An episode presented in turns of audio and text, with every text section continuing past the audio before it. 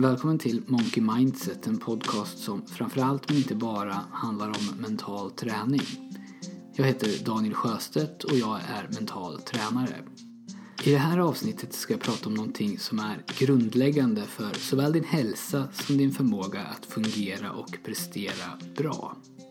Jag ska prata om någonting som är ett måste för dig som vill bli mentalt starkare. Jag ska prata om sömn.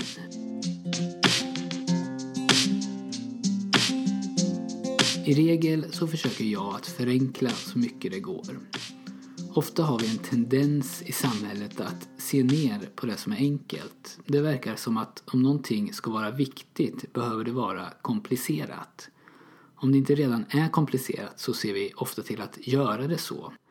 Jag vet inte varför, men jag anar att det beror åtminstone till en del på att det är svårt att ta betalt för någonting som är enkelt.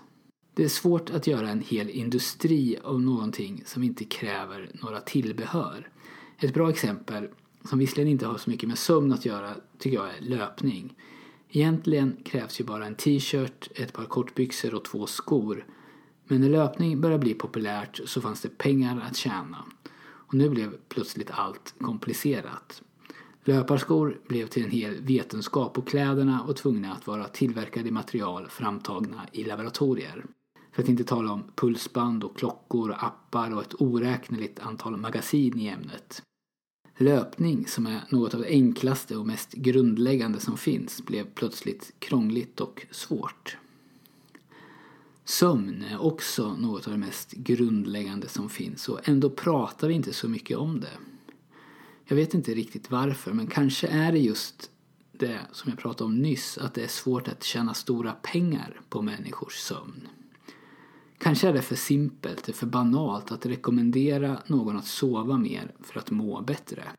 Men det är just det jag tänker göra här, för om du sover mer är chansen stor att du också kommer att både må och prestera bättre.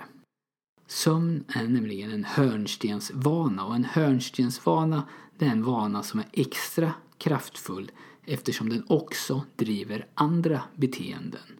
Och de här beteendena kan vara både positiva och negativa och precis så funkar sömn. Jag kommer strax att komma tillbaka mer till hörnstensvanor men generellt sett sover vi för lite. Studier har visat att minst hälften av alla svenskar borde sova mer och sömnbrist har visat sig ha effekt på såväl vårt minne, vårt blodtryck och vårt immunförsvar för att inte tala om vår prestation. En person som har sovit väldigt lite under en natt kör bil lika dåligt som någon som är påverkad av alkohol. Stress är också något som både påverkar och påverkas av sömn. När du lider av sömnbrist frigörs stresshormon och när du är stressad har du ofta svårare att sova, även om du är trött. Det skapas en ond cirkel som kan vara svår att ta sig ur. Och när du inte fått tillräckligt med sömn har du mycket lättare att falla in i andra beteenden som inte är bra för dig. Och det var det här jag menade när jag pratade om att sömn är en hörnstensvana. Till exempel är risken större att du äter sämre än vad du hade gjort om du varit utvilad. Du känner säkert igen det själv. När vi är trötta orkar vi inte stå emot suget utan vi vill ha socker. Så sömn kan alltså ha stor effekt på din kost. Och det är också svårt att dra på sig gymkläderna och dra iväg och träna. Och tanken på att vara social kan kännas alltför jobbig och ditt humör blir mycket mer ostabilt när du är trött. För att bara nämna några saker. Det finns massor av negativa effekter av för lite sömn. Både fysiska och psykiska och både kortsiktiga och långsiktiga. Och som du hör finns det mycket att tjäna på att få sin sömn under kontroll. Underligt nog så har det blivit lite av en statussymbol att säga att man sover lite. Det går ju som du kanske hört historier om stora ledare och hyllade genier som klarat sig med knappt någon sömn alls. Och om det ligger någon sanning i det här så gäller det inte för populationen i stort utan det är bara 1-3% av befolkningen som klarar sig på ovanligt lite sömn. Vi andra dödliga, vi behöver åtminstone 7 timmar per natt. Och en sak som ofta glöms bort i artiklar om de här supermänniskorna som knappt behöver sova det är att de allra flesta som konsekvent sover lite på natten kompenserar det med dagliga tupplurar. Tänk om någonting så enkelt som lite mer sömn skulle kunna öka din livskvalitet. Om du tycker att det här vore värt att prova så föreslår jag att du prioriterar din sömn i två veckor. Schemalägg för åtta timmars sömn och om du märker att du oftast vaknar innan klockan ringer kan du justera ner den siffran lite. Och om du märker att du behöver ännu mer sömn kan du öka. Vissa vuxna de behöver upp till nio timmars sömn. Att prioritera din sömn det betyder att du skapar bästa möjliga förutsättningar för att kunna sova som du har planerat.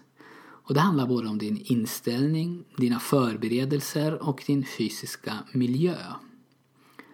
Stäng av alla skärmar minst en timme före du ska gå och lägga dig. Dämpa belysningen och tillåt både kropp och sinne att börja varva ner. Ät inte heller för mycket nära din sovtid. Exakt hur nära och hur mycket du kan äta det behöver du nog själv pröva dig fram till. Men om du har för vana att äta en stadig kvällsmat och känner att din sovkvalitet kunde vara bättre så kan det vara värt att se om det finns något samband mellan din sömn och vad du äter på kvällen.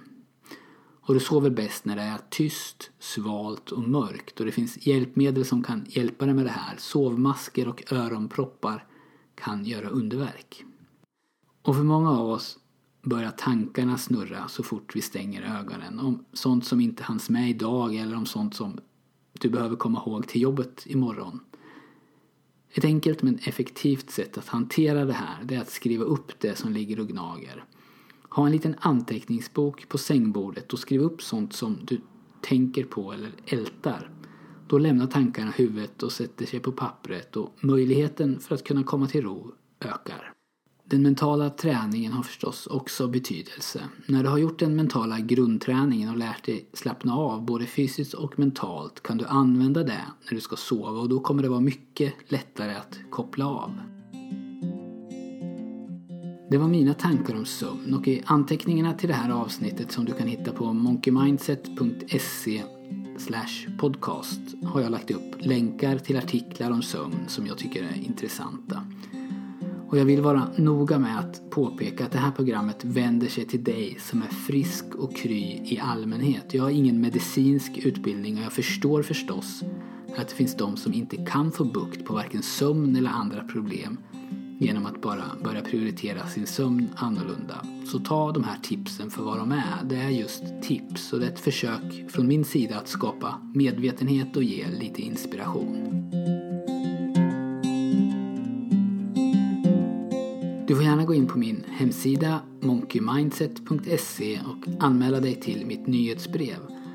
Då får du det du behöver för att komma igång med mental träning. Jag ger dig de fyra ljudband som ingår i min app som heter Mental träning och du får dem helt gratis.